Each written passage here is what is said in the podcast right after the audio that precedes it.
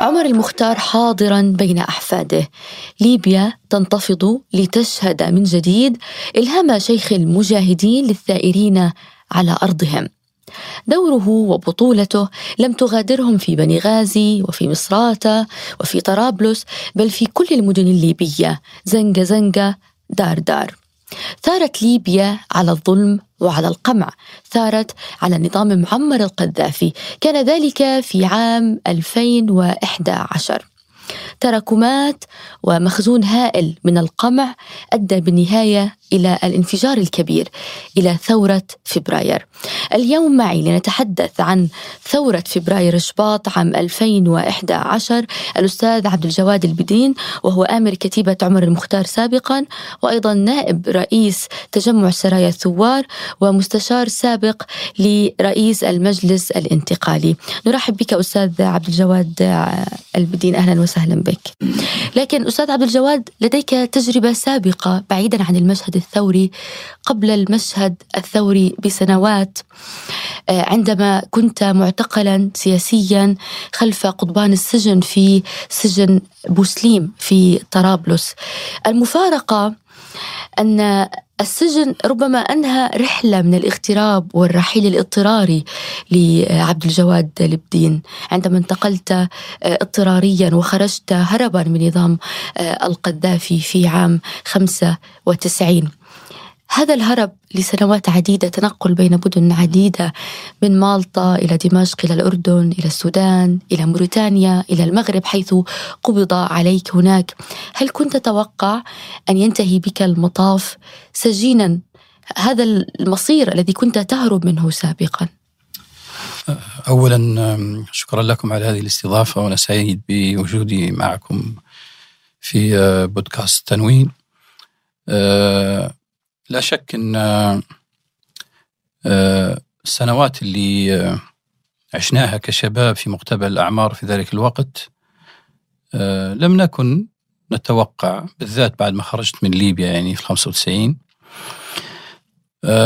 وبقيت عدة سنوات خارج ليبيا يعني مجمل السنوات اللي بقيتها في الخارج كلها عشر سنوات تقريبا. كان من أكثر شيء مستبعد عندي أني أعود سجين إلى ليبيا من جديد يعني. لكن ذلك حصل. ولعل هذا كان يعني من رحمة الله بينا يعني. أن كنا قريبين من ثورة فبراير يعني. لما انطلقت ثورة فبراير كنا موجودين داخل ليبيا. آه وكنا أيضا آه سنعرف بعد ذلك أن تم الإفراج علينا يعني قبيل الثورة بساعات يعني. محاولة امتصاص غضب الناس يعني. لكن آه كانت السنوات اللي مكثناها خارج ليبيا تمثل لنا فرصة يعني كبيرة جدا آه، في التعرف ابتداء على آه، على الواقع العربي أكبر من كون أن إحنا داخل داخل مدننا أو داخل دولنا فقط يعني. آه، وأيضا يشكل لنا مساحة من العلاقات بالأصدقاء في دول المغرب العربي وفي الدول العربية الأخرى. آه، درست أنا في الخارج في بعض الجامعات وتعرفت على على كثير من الأصدقاء العرب وأيضا كثير من الليبيين لأن في 95 اللي حصل أن النظام في ليبيا في تلك في تلك السنوات يعني دأب آه، في الثمانينات تقريبا من من الثمانينات أو من أول ما آه، انقلب على النظام الملكي واستبد بالحكم في ليبيا وهو كل بعد كم سنة يقوم بحملات أمنية وكذا. لكن اضطردت هذه الحملات وأصبحت شبه منظمة وشبه آه، متوالية آه، في نصف الثمانينات إلى نصف التسعينات. العشرية عشر سنوات هذين تقريبا كل سنتين في حملة أمنية على طلبة الجامعات. وعلى المساجد في الأحياء وبعدين أنشأ ما يعرف بالمربعات الأمنية اللي هي عبارة عن عن نقاط لإحصاء النشطاء في كل منطقة. يعني كل حي فيه مربع أمني. المطلوب من هذا المربع الأمني هو إحصاء النشطاء من كافة التوجهات سواء إسلاميين أو غيرهم يعني.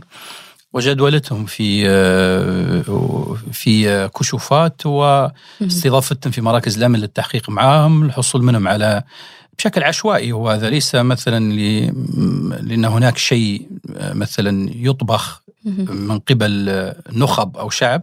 لا لا لا, لا توجد بوادر لشيء مثلا كبير يعني وظاهر لكن النظام كان باعتبار أنه هو يريد إحكام القبضة الأمنية ويعرف أن حتى يتمكن من إحكام القبضة الأمنية على شعب يجب عليها لا ينام يجب عليها أن يعيد دائما جدولة الحسابات الأمنية ودائما غربلة الأحياء والمناطق من أجل إحصاء كل من يفكر في أنه يفعل شيء. معروف طلبة الجامعة مؤسسات التعليمية الأكاديمية غيرها هذه تكون محاضن للأفكار زي ما تقول آه، اللي تتوق للحرية بصفة عامة يعني. فكل سنتين تقريبا كان هناك غربلة أمنية سواء الجامعات وكانوا كان يتأهب يعني. هو أصبح الهاجس الأمني أسلوب عيش عنده يعني. هو يعرف أنه هو عقليته عسكرية وأمنية وجاء على خلفية انقلاب. فبالتأكيد حيكون آه، متوجس وخائف ومسكون هو حتى يقرأ في أو تقرأ له كتابات تاريخية وفي الفلسفة وتلخص له. أصبح مسكون بهاجس تحرك شعبي. هو حتى من العبارات اللي اللي كان يقولها ومحفوظة عنه أنه أخشى ما يخشى الجموع. أنه يرهبها عندما تتحشد وعندما تتجمع وعندما تنطلق. فكأنه هو كان يرسم في ملامح الثورة اللي ستحدث في فبراير يعني. نعم. فكان يقول أنه أكبر حاجة كان يخاف منها ويخشاها هي حركة الجموع. آه الإنسان اللي اللي يقول ويصرح وهو في سدة رئاسة الدولة كيف ليبيا أنه هو لا يخشى إلا حركة الجموع فهذا أنه يحسب حساب لهذه الجموع. ما العمل الذي يقوم به من أجل إخماد حركة هذه الجموع هي المربعات الأمنية وهي الغربلة المستمرة كل عامين. فصادف أنه في 95 أنا كنت طالب في زالت لي سنة في الجامعة في قسم اللغة العربية كلية الآداب جامعة بنغازي. نقولوا لها قريونس يعني إحنا في ذلك الوقت. استدعاءات أمنية في البداية كانت بسيطة وطلبت للمربع الأمني هذا للتعرف وأخذوا مني أنت شن وين تدرس شن كذا شن من أصدقائك من كذا من معاك في المسجد من معاك في الجامعة من جيرانك من هذا كله يعني. وفتح لي ملف من غير أي سبب وخلاص يعني قالوا لي إذا كان أردناك نكلمك مرة أخرى. مشيت للمنزل يعني. واستمر الموضوع بعد ذلك. ممكن سنة أو حاجة زي هيك. وبعدين بدأت حملة شعواء يعني شرسة آه، على خلفية ممكن بعض الاضطرابات الأمنية. أي اختلال يحدث كذا يعمم هو خرج طبعا من مدينتي وبدأت نترقب نشوف شو ردة الفعل. تبين أن الموضوع بدأ يتوسع ويأخذ إطار أكبر وأن هي حملة كبيرة وشرسة. وقررت ألا تعود. قررت ألا أعود. بقيت في مدينة مجاورة لي مدينة جدابية بقيت فيها مدة يعني. ثم غادرتها آه، إلى أكثر من مدينة إلى أن استقر بي المقام في طرابلس. وبعد طرابلس خرجت عن طريق البحر كان هناك حصار. لا يوجد آه، حركة جوية بين ليبيا والعالم يعني. كانت عن طريق البر نعم. والبحر يعني. يعني بعد خرجت بعد خمسة أشهر من بقائي في في ليبيا وخرجت عن طريق البحر إلى مالطا بقيت فيها يعني ممكن يوم أو يوم ونصف يعني ممكن 36 ساعة. بعد ذلك نزلت إلى دمشق وبقيت فيها أسبوع فقط ثم ذهبت إلى الأردن وبقيت فيها تقريبا خمس أشهر وسجلت الجامعة هناك وبدأت استأنفت الدراسة وكان الأمر متعلق ب بالإقامة في الأردن موافقة على الإقامة. فرفضت الإقامة فغادرت الأردن لكن أنهيت الدراسة الجامعية في الأردن. لا لا لم أستطع لا, لا. كان الحيز الزمني ضيق يعني. ضيق نعم. خرجت من الأردن أيضا. حاولت في السودان في جامعة سجلت فيها وحاولت إني أنتم الدراسة. كانت صعبة شوية وما استطعتش يعني. ما لم أتمكن من إنهاء آخر سنة دراسية لي يعني. آه ثم بعد ذلك ذهبت إلى موريتانيا. موريتانيا أخذت فيها راحتي مثل سبع سنوات كانت كافية. أن أدرس فيها اللغة بشكل جيد جميع فروع اللغة. درست فيها الفقه المالكي درست فيها أصول الفقه. وجزت علميا من كثير من أو بعض مشايخ موريتانيا. إلى أن آه، سافرت بعد ذلك للمغرب بديت آه، أتحرك بين المغرب وموريتانيا ممكن مدة سنة آخر سنة من موريتانيا. تحركت فيها بين المغرب وموريتانيا يعني. آه ثم في نهايات 2014 آه آه، تم القبض علي في المغرب بحجة أني أنا ليبي ومطلوب للنظام الليبي. ويجب أنك تسلم وكذا فأنا طلبت منهم لا أسلم إلى ليبيا في آخر المطاف يعني. فقالوا لي نحن ضروري وكذا وني. المهم عاد في الآخر أن تم تسليمي إلى ليبيا في أواخر 2014 ش- بداية 2000 و- آه، أو أواخر 2004 آه، بداية 2005 يعني. وصلت إلى ليبيا في أول يوم من من 2005 إلى طرابلس. إلى طرابلس نعم. آه، بقيت طبعا في في سجون النظام في ليبيا في ذلك الوقت إلى أن قامت ثورة فبراير في مهم. 2017 لكن السجن يعني مرحلة مهمة بالتأكيد يعني هذه المرحلة 2011 يعني تقريبا ثمان سنوات من حياتك في سجن بوسليم. سبعة يعني سبعة غير آه، أقل من سبعة يعني سبعة يعني ستة وأشهر يعني. نعم. وحدث أصلا مجزرة في ذلك الوقت في سجن بوسليم أليس كذلك؟ المزجرة المزجر المجزرة حدثت في آه، في ال 2000 آه، في ال 1996 آه نعم قبل يعني ذلك قبل هذا م-. نعم. لكن. سيء السمعة سجن بوسليم جداً، في نعم. في طرابلس يعني وكتب في أدب السجون المتعلقة بالسجون العربية الأنظمة العربية الكثير يعني القوقعة في سوريا ناجم المقصلة مؤخرا أيضا في المغرب طاهر بن جلون تلك العتمة الباهرة. في ليبيا كيف كان وضع السجون؟ تجربتك الشخصية في في في في السجن في سجن بوسليم في طرابلس. أعرف أنك جلست في الحبس الانفرادي فترة. طويلة. آه، هي مجمل المدة اللي بقيتها في الانفرادي كانت ثلاث سنوات ونصف يعني. مم. في الأول سنة ونصف متواصلة ثم نقلت إلى الجماعي ثم أعدت إلى الانفرادي من جديد مدة أكثر من سنتين متواصلة يعني المجموع أكثر من ثلاث سنوات ونصف يعني. هي تجربة السجن لل- لل- للأمانة يعني آه، بقدر ما هي قاسية بقدر ما أنها تعيد صقل الإنسان من جديد يعني. سجن بوسليم ابتداء يعني في ليبيا ليس كأي سجن. هو المحبس اللي أراد النظام أن ينكل من خلاله بجميع الخصوم السياسيين. كان في كل الأطياف هذا السجن. هو يعتبر كبير جدا. هو قطاعين كبيرين ينقسم إلى سجن عسكري وسجن مركزي, مركزي. يعني. نعم. المذبحة حدثت في سنة 1996 مهم. في شهر 6 96 مهم. آه عندي شقيقي أكبر مني آه، استشهد رحمة الله عليه فبراير في ثورة في فبراير. ثورة نعم.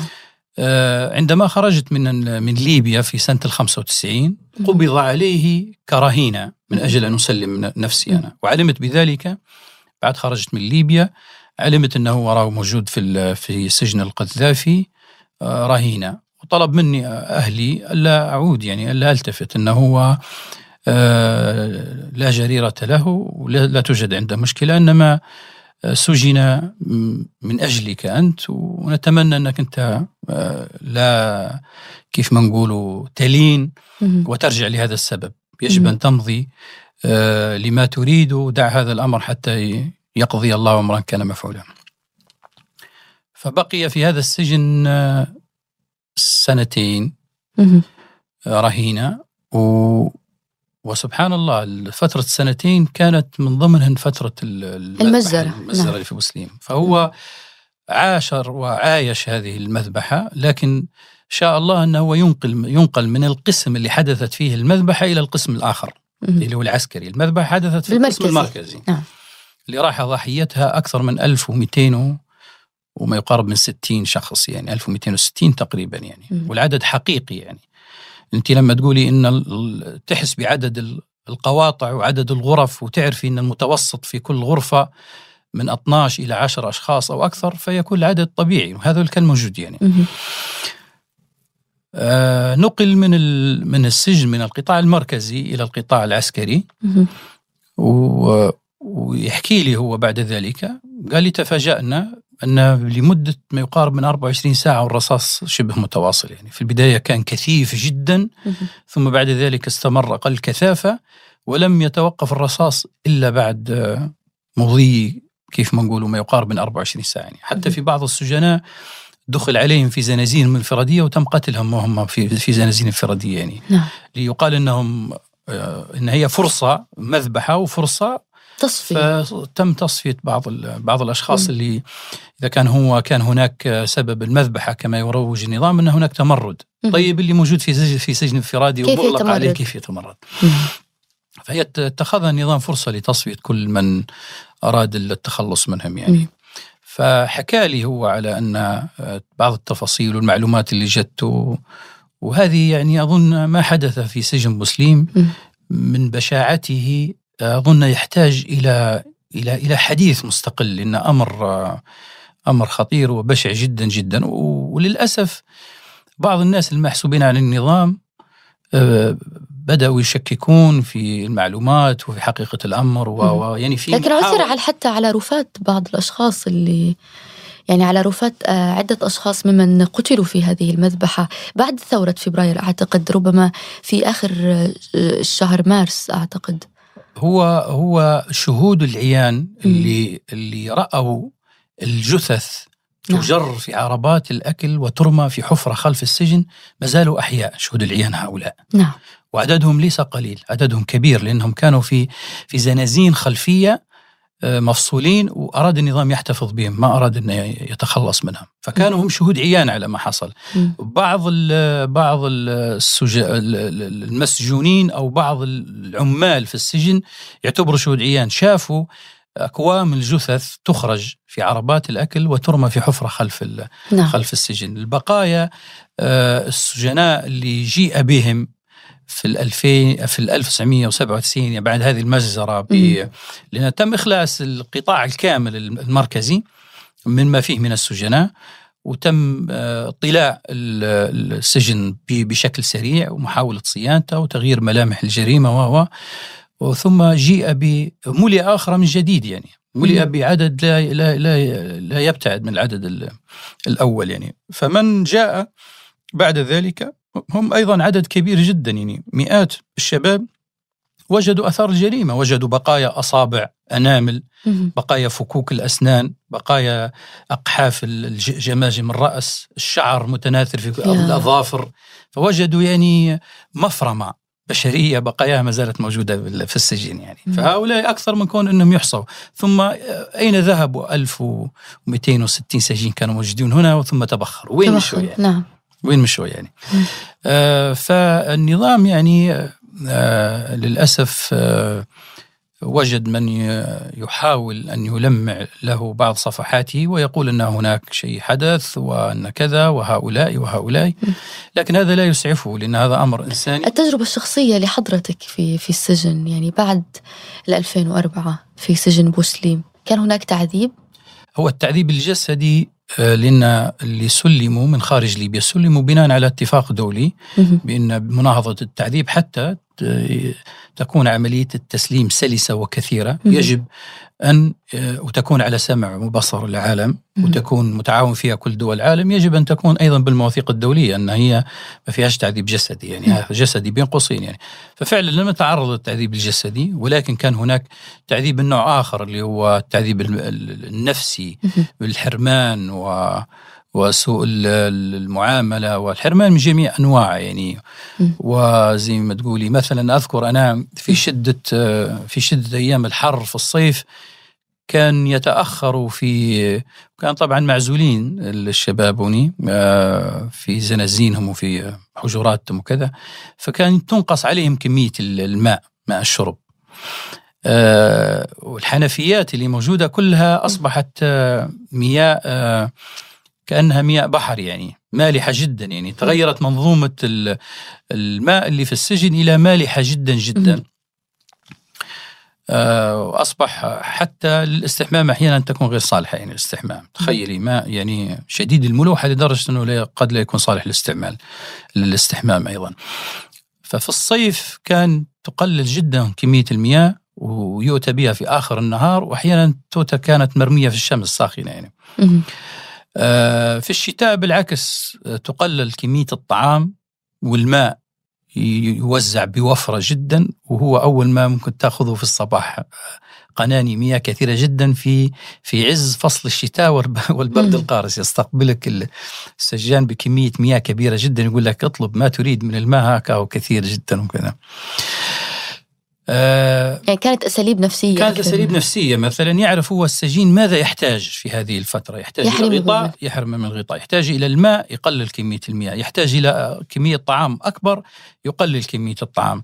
أحيانا يتلاعب في جودة الطعام. فهذا الأمر يعني آه ناهيك عن الحرمان من العلاج الجيد ومثل م. هذه الأساليب يعني. فهي للأمانة يعني آه لا تخلو من بعض ال آه، من بعض ال كيف ما نقولوا من بعض المراحل اللي اللي يستقر هو السجين يتأقلم مع أي وضع. نعم. ويبقى الطعام والشراب ليست هي قضيته الأساسية. هو فقط يريد أن آه، يعرف مصيره يبحث عن حريته يريد أن فيعني لكن مع ذلك هذه مسجلة ومعروفة أن كمناهضة للتعذيب النظام من الألفين و2001 و2 و3 و4 أصبح إلا في حالات نادرة جدا. أصبح لا يمارس التعذيب الجسدي على السجناء إنما هو يمارس في سياق تحسين الملف الحقوقي أيوة ربما. نعم لأنه نعم. النظام دخل في اشتراطات دولية جديدة حتى من أجل تسويق نفسه والدخول في تسويات السياسية مع بقية دول العالم يعني. نعم. أستاذ عبد الجواد في في آخر فترة السجن حصلت ثورات الربيع العربي. وكنتم كمساجين تشاهدون آه، هذه الثورات أو على الأقل تسمعون أخبارها. يعني كان مسموح ربما ببعض شاشات التلفاز في بعض قاعات السجن. شعور الشخص أو المواطن العربي العادي الحر وهو يشاهد هذه الثورات لا توصف شعور لا يوصف. ما بالك بالسجين المعتقل السياسي الذي يشاهد أنظمة دكتاتورية تسقط وتقع في تونس؟ ثم انطلقت الثورة في مصر. كمعتقل سياسي كيف كنت تراقب هذه الأحداث؟ أذكر في آه،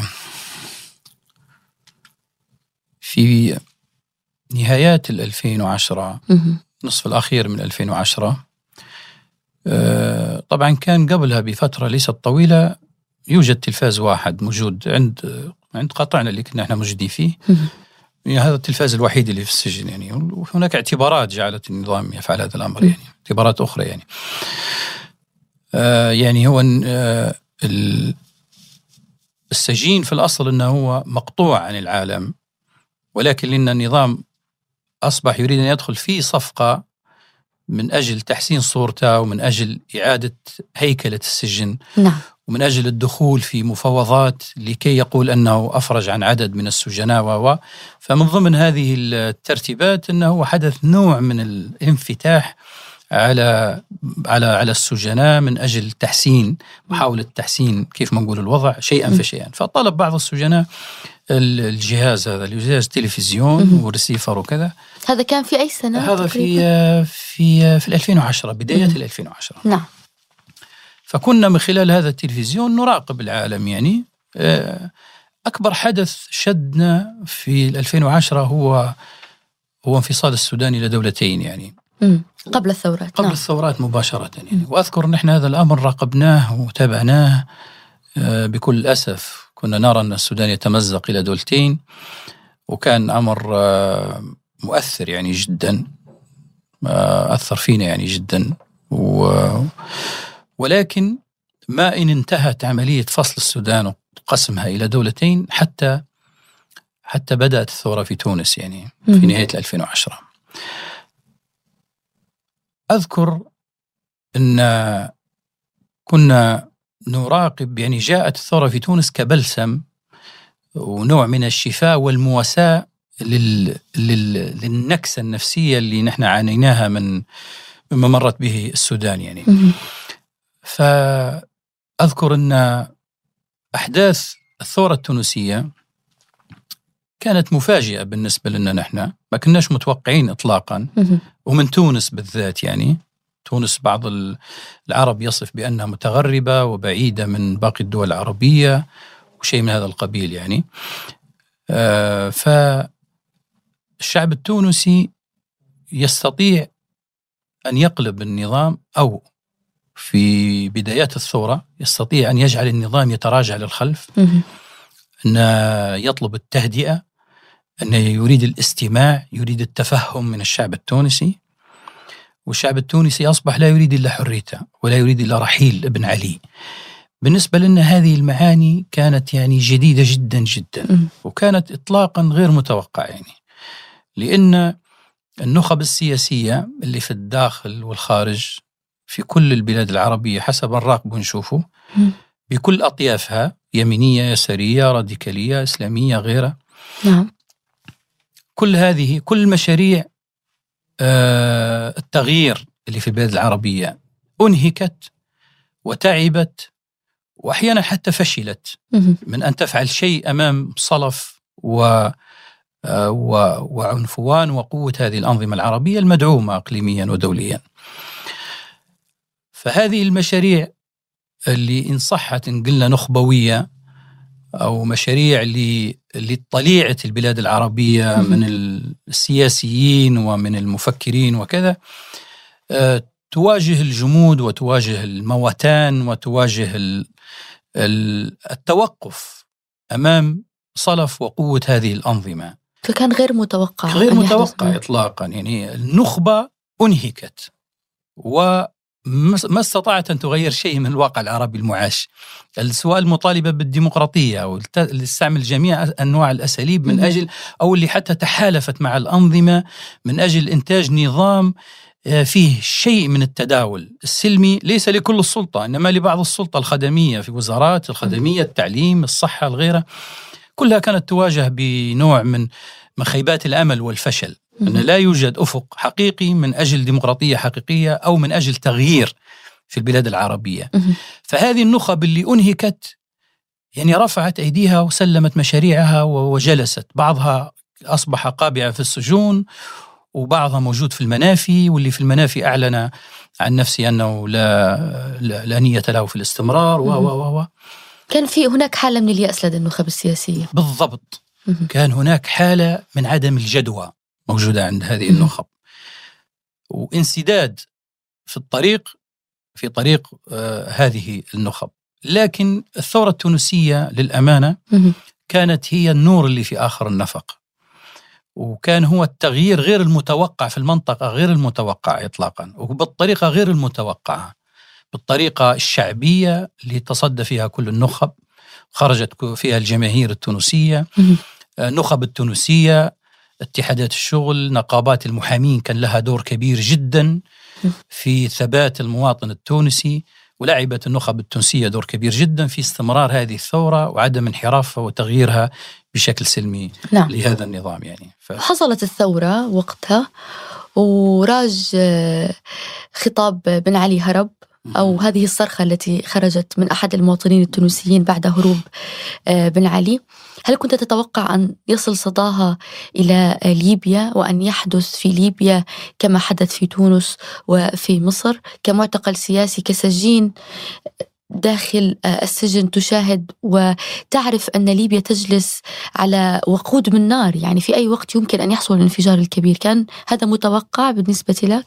هو في البداية لم يكن متوقعا للأمانة، لكن بعد رأينا أن التغيير اللي في تونس جاء من بشكل غير متوقع وبشكل لم يكن محسوب عند أحد لا عند النخب ولا عند المراقبين. ف وضرب موعد لما ضرب موعدا لثورة فبراير في في, في 2017 آه، شهر آه، في في 2011 نعم. في في 17 فبراير 2011 وكان له رمزية هذا الرمزية جاءت من أن الشعب في ليبيا في بني غازي بالتحديد في 17 2 2006 يعني قبل الثورة بخمس سنوات حدث حراك شعبي في مدينة بنغازي نصرة للنبي صلى الله عليه وسلم من الإساءة اللي تعرض لها من بعض الدول. وإيطاليا كان لها دور فالتجمهر تحشد الشعبي كان أمام القنصلية الإيطالية في مدينة بنغازي في 17 فبراير 2006 وسقط سقط قتلى في ذلك الوقت. نعم استعمل النظام القوة المفرطة في في تفريق المتظاهرين وقتل بعض الشباب واعتقل وجرح العشرات واعتقل المئات. وتم فض هذا الاعتصام لكن الذكرى أصبحت لنا دعي لها في مدينة بنغازي على المنابر ودعي لها بشكل شعبي كبير جدا وكان الحشد عظيم يعني. وكان تصلكم هذه الأصوات نعم وصلتنا نعم وصلتنا في الخارج يعني. أو في في السجن وصلتنا لأن بعض المعتقلين جاءوا بهم إلى سجن بوسليم آه. وبعضهم جاءوا بهم إلى سجن عين زهرة وفبركت لهم قضايا وهم طبعا شباب عاديين بعضهم مشجعين أندية روابط الأندية هذه وكذا. خرجوا نصرة للنبي صلى الله عليه وسلم. آه ف رمزية هذا اليوم اللي هو 17 فبراير بعد الثورة التونسية ضرب هذا الموعد من آه من آه من بعض المعتصمين بعض الشخصيات اللي في مدينة بني غازي بعض الشخصيات اللي تأثرت بالحدث. آه أن, أن, أن نحن سنخرج في 17 فبراير 2011 كلام هذا قيل يعني آه وصلنا حتى نحن في السجن تاريخ هذا قبل ثورة فبراير بما يقارب من شهر يعني أو أكثر. نعم. لدرجة أن حتى النظام أراد ركوب موجة هذه الثورة وأعلن أنه هو سيخرج أيضا. معمر معمر قال أنا أيضا سأخرج معكم في 17 فبراير 2011 على رئيس الوزراء. على البغدادي المحمودي وعلى نعم. فساد البغدادي المحمودي اللي رئيس الوزراء في ذلك الوقت يعني. نعم. آه، كان بعض السجناء أو بعض المراقبين يشكك في أن الشعب الليبي يستطيع أن يخرج إن هذا أمر يعني آه، الناس يائسين والناس وصلوا يعني لكن أنتم في السجن ربما كانت الخبرة لديكم بهذا النظام أكثر يعني أصبحتم أقرب منه يعني في السجن من خلال هذا الاعتقال هذا التضييق بعض أشكال التعذيب. هل كنت تتوقع كعبد الجواد أن أن فعلا أن يثور الشعب الليبي وأن ينجح في ذلك؟ آه نعم بكل تأكيد. أنا أذكر حتى حدث معي آه نقاش أنا وصديق لي في داخل السجن. في هذه الفترة بالضبط بعد ما أعلن أن المصريين أو أن في عيد للشرطة وهناك دعوات م. للخروج على النظام ودعوة لتصحيح وكذا فأصبح عندنا سؤال يعني هل فعلا الليبيين اللي قالوا أنهم حيخرجوا في 17 فبراير هل هم قادرين على أنهم يخرجوا ويزيحوا هذا النظام ويسقطوه؟ فكان في تشكيك من بعض الشباب اللي نشوف فيهم ونحكي أنا وياهم وكذا أذكر أن في واحد منهم صديقي يعني قال لي هذا أمر بعيد المنال يعني. هو صاحب خبرة وتجربة يعني. آه ولكن آه لا أدري إيش السبب أنه يفكر هذا التفكير. فأنا حكيت معه وقلت له لا بالعكس أنا أرى أن هناك عوامل متوفرة عند الشعب الليبي غير متوفرة عند في تونس وفي مصر يعني. لأنه هو قال لي أن الشعب التونسي عنده عنده مساحة من التعلم ومن الوعي غير متوفرة عند الليبيين. المصريين كذلك فيهم وعي وفيهم كذا. أما الشعب الليبي فلا يمتلك مساحة الوعي الموجودة. هذا صديقي يعني. فقلت له هي مقارنة بعدد السكان الواعيين والنشطاء متقارب لما تقارن بعدد السكان. الإمكانيات اللي موجودة عند الشباب آه، علاقاتهم بوسائل التواصل مقارنة بعدد السكان. ليبيا في ذلك الوقت 9 مليون ربما. لا أقل ممكن ستة. آه ستة. نعم. ستة مليون. آه، أيضا آه، قلت له هناك عاملان أساسيان موجودان عند الشعب الليبي غير متوفران فيما أعرف يعني عند الشعوب المجاورة. ابتداء هناك توق ورغبة حثيثة لدى المواطن أو لدى كثير من المواطنين الليبيين في امتلاك السلاح. النظام امتلاك السلاح ماذا يعني؟ امتلاك السلاح الشخصي. الرقعة الجغرافية الكبيرة الشاسعة. طبيعة المجتمع. طبيعة المجتمع أغلب مناطق صحراوية فكثير من الناس عندهم شغف بخروج للصحاري وكذا. حتى أذكر في نهاية السبعينات وبداية الثمانينات أصبح هناك نوع من السجال والمطاردة والمناكفة بين المواطنين وبين النظام من أجل الحد من امتلاك الأسلحة والبنادق الصيد الأسلحة الشخصية وبنادق الصيد وامتلاك السيارات العابرة للصحاري.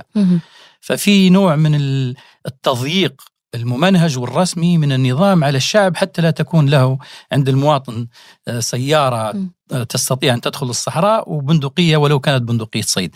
ففي آه، رغبة موجودة عند المواطن الليبي في أن يكون يمتلك سلاح ويكون عنده قدرة على أنه يعني هذه أحد أسباب التي ثار لأجلها لا ليست من الأسباب اللي ثار. أنا بنقول أن المواطن اللي تجد عقليته بهذا الشكل نعم. وأيضا مدرب على السلاح وتم تجنيده اجباريا ودخل للمعسكرات.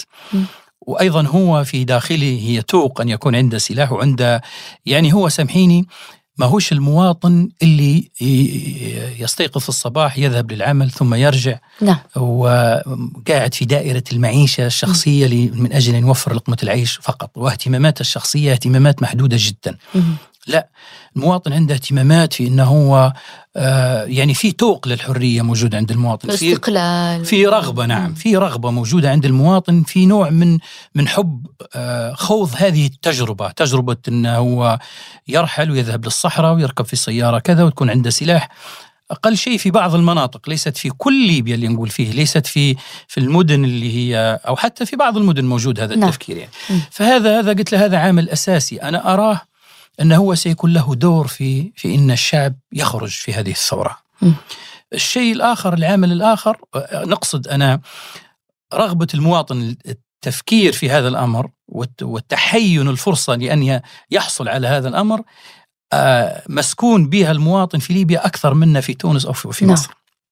فستكون عامل هذا من أجل إنه هو يتحرك لأنه يعرف إن في معسكرات موجودات حذاه فهذه المعسكرات فيها بعض الأسلحة وكذا حيسعى أنه يدخل هذه المعسكرات ويمتلك نعم. الأسلحة. وسيسيطر على أطراف آه، من المدن آه، تعتبر ليست هي المركز اللي يسيطر عليه النظام مركز حكم النظام وكتائب الأمنية وكذا. ما حكيت ليش أنا بكل هذه التفاصيل لكن هذه المعاني اللي كنا نتحدث عنها. والنقطة الثانية؟ النقطة الثانية وهي أن هناك تكافل اجتماعي بين آه، الأسر والعائلات في ليبيا وكذا في نوع من العلاقات الاجتماعية الأقوى.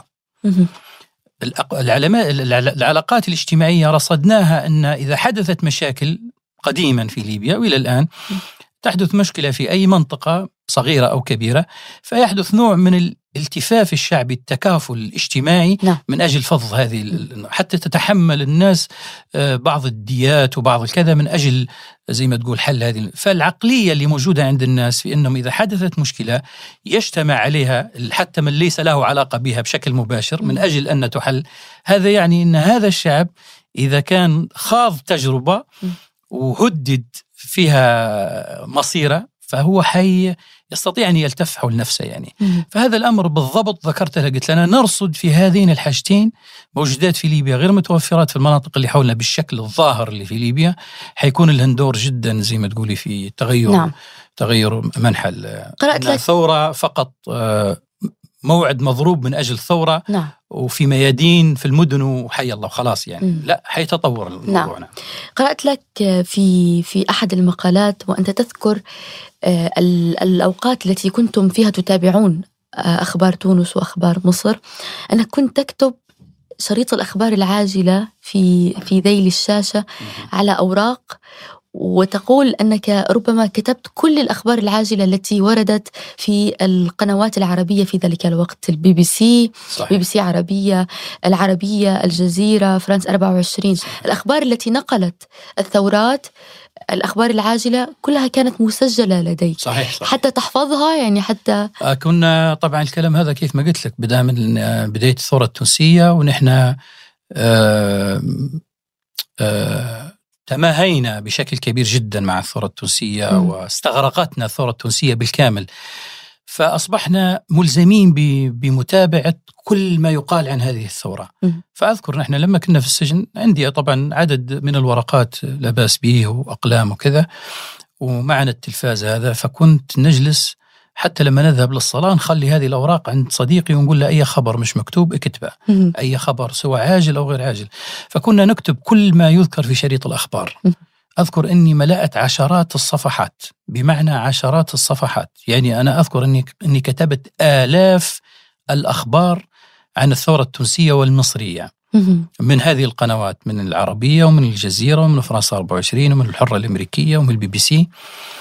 وهذا كان دل على شيء يدل عليه إن عندنا نحن رغبة في معرفة هذا الأمر إنها تمثل لنا الحدث غير المتوقع اطلاقا م. فيجب رصده ويجب استشراف التطورات وماذا سيحدث بعد هذا الحدث يعني م.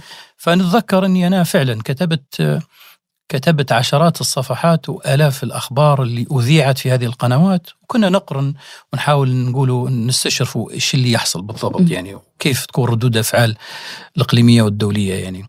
آه، أذكر أن الثورة التونسية رجوعا ل آه، لذكر ما تأثرنا به من خلال ما سمعنا عنها في بدايته وما رأيناه. كانت تمثل لنا فعلا كيف البلسم اللي جاء على على على عطش شديد جدا. يعني أذكر أن من الأشياء اللي رصدناها أو آه، اللي اللي اللي كتبت حولها أنا شيء في ذلك الوقت. يوما كنت هكذا يعني مستغرق في هذه الأوراق وفي هذه الأخبار. فقلت فعلا يعني إن إن ثورة تونس كانت مثل الأمر المستحيل. وأخذت ورقة هكا وقلم وكتبت يعني أبيات أه حاولت أن أسجل المشاعر اللي انتابتنا في ذلك الوقت عن عن الثورة التونسية، أنا لست بالشاعر اللي يعبأ له ولكن بعض الأبيات يعني سجلتها في ذلك الوقت. أكتب من حين لآخر شيء ولكن آه أذكر إني إني قلت آه, آه، أبيات اضرب فديتك لن يدوم طويلا ليل الطغاة وإن أبادوا الجيل اضرب فإنا في سبيل كفاحنا نستعذب التنكيل والتقتيل. يا شعب تونس أنت مبعث فخرنا قد صرت فوق رؤوسنا إكليلا دمك الزكي به تطهرت الربا وغدا ثراك لعارنا المنديلا إلى أن أقول أتحدث عن الثورة. من سيدي بوزيد تألق نورها فغدت لدرب الحائرين دليلا وغدا الرقاب يشد تالة أزرها ويهز منها الصارم المسلولة أسماء مناطق يعني كان في تونس في ذلك الوقت وفي آخر بيت ختمتها بأن قلت آه، لهفي على الغر الميامن راجيا من منبت الزيتونة المأمولة مم. أنا أتمنى منهم اللي منبت الزيتونة أتمنى منهم المأمول يعني مم. المهم على كل حال أن الثورة التونسية للأمانة كانت هي آه، يعني شبهت أن في مرحلة من المراحل أن المستحيل عبرت بنا المستحيل. صحيح. يعني كانت الأمر كان بالنسبة لنا كشعوب بصفة عامة من المستحيل أن يتحرك شعب عربي أن يقوم بثورة يطالب فيها بالإطاحة برأس النظام ثورة شعبية وتنجح. وتنجح. م. ويطالب أن يتغير النظام ويسلم قيادة البلاد إلى نخبة منتخبة من الشعب. فهذا الأمر آه، كان بالنسبة لنا نحن غير موجود في في مناجع في في حتى في تفكيرنا يعني. في ذاكرتنا غير موجود. إطلاقا. وأنا أظن أنه غير مرصود حتى لدى لدى المراقبين الدوليين. المراقبين الدوليين كل السيناريوهات أظن أنهم وضعوها. إلا أن يثور الشعب بمجمله بالكامل من أجل أن يطالب بإزاحة النظام من أجل أن يطلق لهذا الشعب حريته. فهذا الأمر بهذا الشكل أنا أظن إنه هو ترك دلالات عميقة جدا عند صانع القرار الدولي. نعم، رغم ذلك يعني رغم هذه الأحداث المتسارعة في الجوار قرر النظام إخراج عدد من المعتقلين السياسيين وخرجتهم من السجن ربما قبل انطلاق الثورة بيوم واحد، أليس كذلك؟ صحيح. نعم. ما هي ما هي الاتفاقية التي جرت مع النظام يعني من أجل خروجكم؟ ما الذي كان ينويه النظام من أجل هذا الخروج؟ وهل كنت تعرف أنك ستخرج من السجن إلى ساحات الميدان لتشارك الناس آه، الثورة في ليبيا النظام آه، كان منذ ما قبل الثورة تقريبا بسنة ونصف بادي في عملية آه، إطلاق سراح معتقلين. معتقلين بطريقة منظمة ومنهجة. وهي جزء من عملية إعادة ترتيب النظام لنفسه وعلاقاتها مع المجتمع الدولي. مرحلة سيف القذافي. أن مرحلة ليبيا الغد وسيف القذافي يريد أن يقابل العالم بوجه جديد أنه هو ليس له معتقلي الرأي ما عندش معتقلين سياسيين وكل من يكون مقبول الحوار معه وكذا هذا نحن ما عندناش معه مشكلة. فالنظام دخل هو الأمانة في مجموعة تم إطلاق صراحة قبل الثورة بأشهر يعني. وفي مجموعة قبل الثورة بثلاث سنوات تقريبا في 2008 وهكذا يعني في محاولة أنه يعيد إنتاج نفسه وتسويق نفسه للعالم يعني. آه، لكن بعد ما بدأت ثورة فبراير آه، بعد ثورة آه، تونس ثم مصر في 11 يناير وأصبح هناك موعد مضروب لخروج الليبيين وأصبح يتأكد للنظام شيئا فشيئا أن هناك فعلا هناك من سيخرج في بني غازي وفي احتقان كبير وفي والشارع مهيأ لهذا حاول استرضاء الناس. فهو حاول آه أن يفعل شيء يمتص به نعم. غضب بعض الناس. تواصل مع كثير من القيادات الشعبية في المناطق والمدن أن يأخذ منهم ضمانات أن, أن ما يحدث الشيء. بالمقابل قام بهذه الخطوة 110 سجناء. كنت أنا من ضمن هؤلاء. م. تم إطلاق سراحهم يوم 16 فبراير. وافق يوم 4 16 فبراير 2011 نعم. وكان الهدف وكل هؤلاء أو, أو, أو ما يقارب من ثلاث أرباعهم كانوا مدينة بنغازي. من ثلاث أرباع ال 110 ضد قبل الثورة قبل الثورة بيوم. قبل الثورة بيوم بساعات قولي يعني مم. خرجنا مساء وصلت أنا من مدينة بنغازي بعد صلاة العشاء يعني كانت المدينة محتقنة والشوارع ممتلئة. كان هناك اعتصام كبير جدا أمام مطار مطار مدينة بنغازي اللي هو مطار بنينة اللي حطت فيه الطائرة اللي أقلتنا آه وصلنا إلى مدينة بنغازي وكان الناس واضح أنها هي عازمة ولا قرار عندها إلا الخروج غدا يعني م. هذا اللي لمسناه نحن من من الناس يعني وفعلا آه، وجدنا عدد كبير جدا من المعتصمين خارج ال- بل الغريب إن وجدنا من الناس باش تعرفي مدى إمعان هذا النظام في في التنكيل بالشعب إن وجدنا عشرات العائلات والأمهات والأباء موجودين ينتظروا عندهم علم هم إن في إفراج عن مجموعة من سجن بوسليم فجاء أناس أمام ال- ال- أمام ال- المطار للسؤال عن أبناء مختفين من نهايات الثمانينات في لي 20 سنة مختفي. في لي بداية التسعينات. لا يعرفون مصير. ما عندهمش أي معلومة. هذوما المرجح أنهم ممن قتل في المذبحة يعني. فوجدنا عشرات العائلات والآباء والأمهات والأبناء والشباب موجودين خارج لني ويسألوا جايبين أسماء ويقول لك آه، فلان الفلاني ما أنا نعرف أنا في سئلت عن أكثر من اسم. بعد وصولي عند المطار بالضبط سئلت عن أكثر من اسم وأنا أعرف يقينا أنهم قتلوا في المذبحة لكن ما استطعت نقول م. قول لأني ما التقيتش به لم ألتقي به. لم ألتقي به فقط يعني. باهي يسأل يقول باهي موجود معاكم باهي السجن مازال في حد غادي؟ باهي وين؟ كم عدد اللي موجودين؟ فالناس ما عندهاش معلومات إطلاقا على عدد من في السجن على من قتل منهم من قتل بقي على قيد نزل على قيد الحياة كل هذا غير موجود للناس. يعني غير معروف للناس يعني.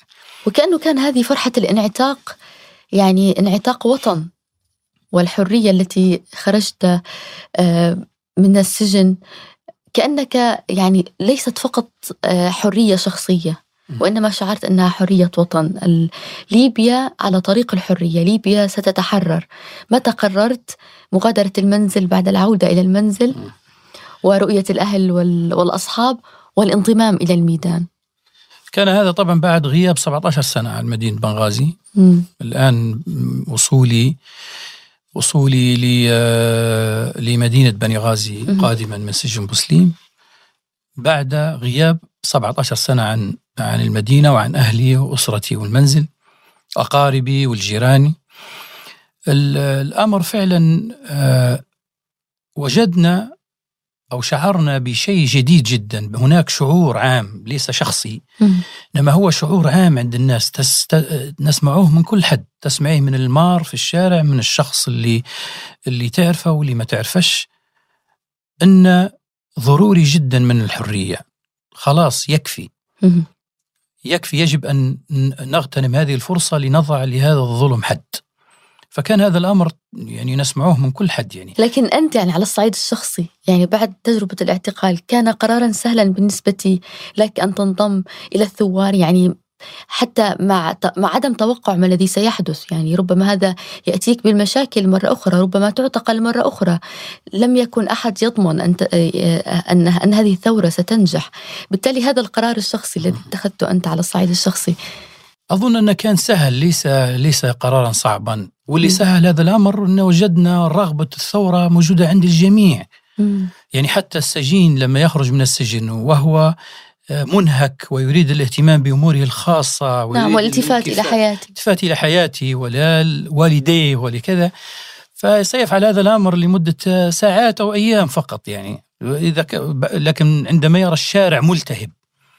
الهتافات في الشارع والناس خلاص يعني هذا أمر هناك هناك حياة جديدة أصبح الناس يت... هناك أنفاس جديدة أصبحت الناس تتنشقها يعني فعلى على المستوى الشخصي قد يفكر السجين اللي أنهك واللي تعب واللي كذا إنه وفي فعلا هناك من من عاد إلى حياته الخاصة من. من السجناء لم ينخرط في الثورة يعني. إلا تأييد من بعيد ولماما وزيارات وكذا وني لكن أنا أذكر هناك كلمة قالتها لي الوالدة يعني. متع الله بالصحة والعافية ربي يحفظها إن شاء الله. آمين. وجه لها السلام من هنا. آه كانت تقول لي إن طبعا أنا غايب عنها طيله آه، 17 سنة يعني. م. ما بين اغتراب وما بين آه، اعتقال. وبين اعتقال أيوه. آه فقالت لي نحن كنا متوقعين إن ما يطلقوش صراح كم يعني. م. متوقعين إن ما يطلقوش صراح كم. وكنا نحن كشعب عازمين إن نطلع للشارع كلنا إذا كان ما أطلقوش صراح كم أنا كنت حالفة هي كانت تحكي لي تقول لي أنا كنت حالفة إني نخرج للشارع ونقاتل بيدي وبالحجارة وبكل شيء م. ولن أعود للمنزل م. وسأحرض على الثورة على هذا النظام حتى يسقط. فهمت فهذا نموذج هذا ليس شعور آه، شخصي لدى الوالدة فقط إنما هو عند الكثير أنا أعرف والدات آه، أمهات بعض السجناء فعلا خرجت للشارع ورمت آه، مقرات الأمن بالحجارة. لأن عندها خمس أبناء موجودين في السجن يعني م. أعرفها شخصيا وأعرف أبنائها يعني فهذا ال- ال- الشعور العارم لدى الناس لا يترك حتى للإنسان اللي أصبح يفكر في نفسه من جديد أنه هو فعلا سيعيد آه، سيعود إلى حياته الخاصة ويترك هؤلاء الناس اللي يريدون أن يضحون من أجل إزالة هذا النظام آه، آه، اللي آه، جثم على صدورهم كل هذه السنوات فهذا مم. شعور كبير جدا وعارم لمسناه من كل الناس من الجيران ومن الأقارب ومن كذا وصرحوا لنا بذلك يعني حتى كانت هناك محاولة عندما وصلنا للمطار. محاولة للذهاب بنا لاحتفال للقيادات الشعبية. محاولة تلميع لتزويق وتلميع. تلميع صورة النظام أنه هو قام بهذه البادرة وفعلا كان الباص جاهز من أجل أن نذهب للاحتفال هذا وكذا فأذكر أن حدث نقاش بيني وبين شفت الباص الباص ليس هو باص ال- المخصص بالمطار إنما. هو باص من الباصات اللي آه، اللي تستعمل خارج حتى للسفر بين المدن يعني. آه، النقل السريع يعني فالمهم آه، سألت وطافت على أذني من خلال ال ال بعض الموظفين كلمة القيادات الشعبية. سمعت الكلمة تلقفتها. فسألت الموظف اللي كان نحن ننزل من الطيارة ويركبوا في الشباب في هذا الباص. فسألت أنا شخصيا قلت له هل هذا الباص ماشي لقيادات شعبية؟ قال لي رد علي وقال لي إنه هو أمر شكلي واحتفال بسيط نحن نبغى نفرحوا بكم. بعد غيابكم وموضوع بسيط وشكلي نصف ساعة بس. م. فقلت له لا أنا اللي بيحتفل بيا ويرجى فيا 17 سنة هو اللي موجود أمام الباب. أقربائي ووالدتي وأهلي وأخوتي وأقاربي اللي هم عاشوا معايا مرارة 17 سنة. هذوم اللي أنا نمشي بنحتفل معهم. أنا مش نحتفل مع حد من القيادات الشعبية. فهو أصبح يحاول يقنعني بهذا الأمر. فأنا قلت له شوف أنت أختصر على نفسك الطريق وأغنم المجموعة اللي ركبت معك معك. في الباص. خذها معك. خير من يكثر الكلام حتى اللي معك في الباص ينزلوا يغيروا رأيهم. فالمهم حدث بيني وبينه أن يسألني عن اسمي آه، فأخبرته قلت له عبد الجواد البدين وأنت من حضرتك فسماني اسم هو تبين لي أن اسم مستعار مش حقيقي لأن عرفت. حقيقته بعدين هو من. يعني لهذه الدرجة وما توقعش أني نسأله يعني. نتجرأ ونقول له أنت من هو ضابط أمن يعني نعم. فهمتي آه فاتصل هو وبدأ يتواصل مع مرؤوسيه من أجل زي ما تقول إنه فأنا قلت له شوف أنا أعطيك حل آه أعطيني نصف ساعة ن- نسلم على أقاربي وينتظروا فيا وكذا وبعدين نمشي معاك. أنا مانيش خايف من لقاء أي حد يعني نحكي معاه وكذا وني. فقال لي خلاص آه، متفقين أنت والمجموعة كلها. قلت له أنا نحكي عليه نفسي. م. المجموعة أحكي معها نحكي عليه نفسي فقط نص ساعة حتى آه، أرحب بال- بأقاربي وكذا وأطمئنهم وبعد ذلك أنا مستعد للذهاب يعني.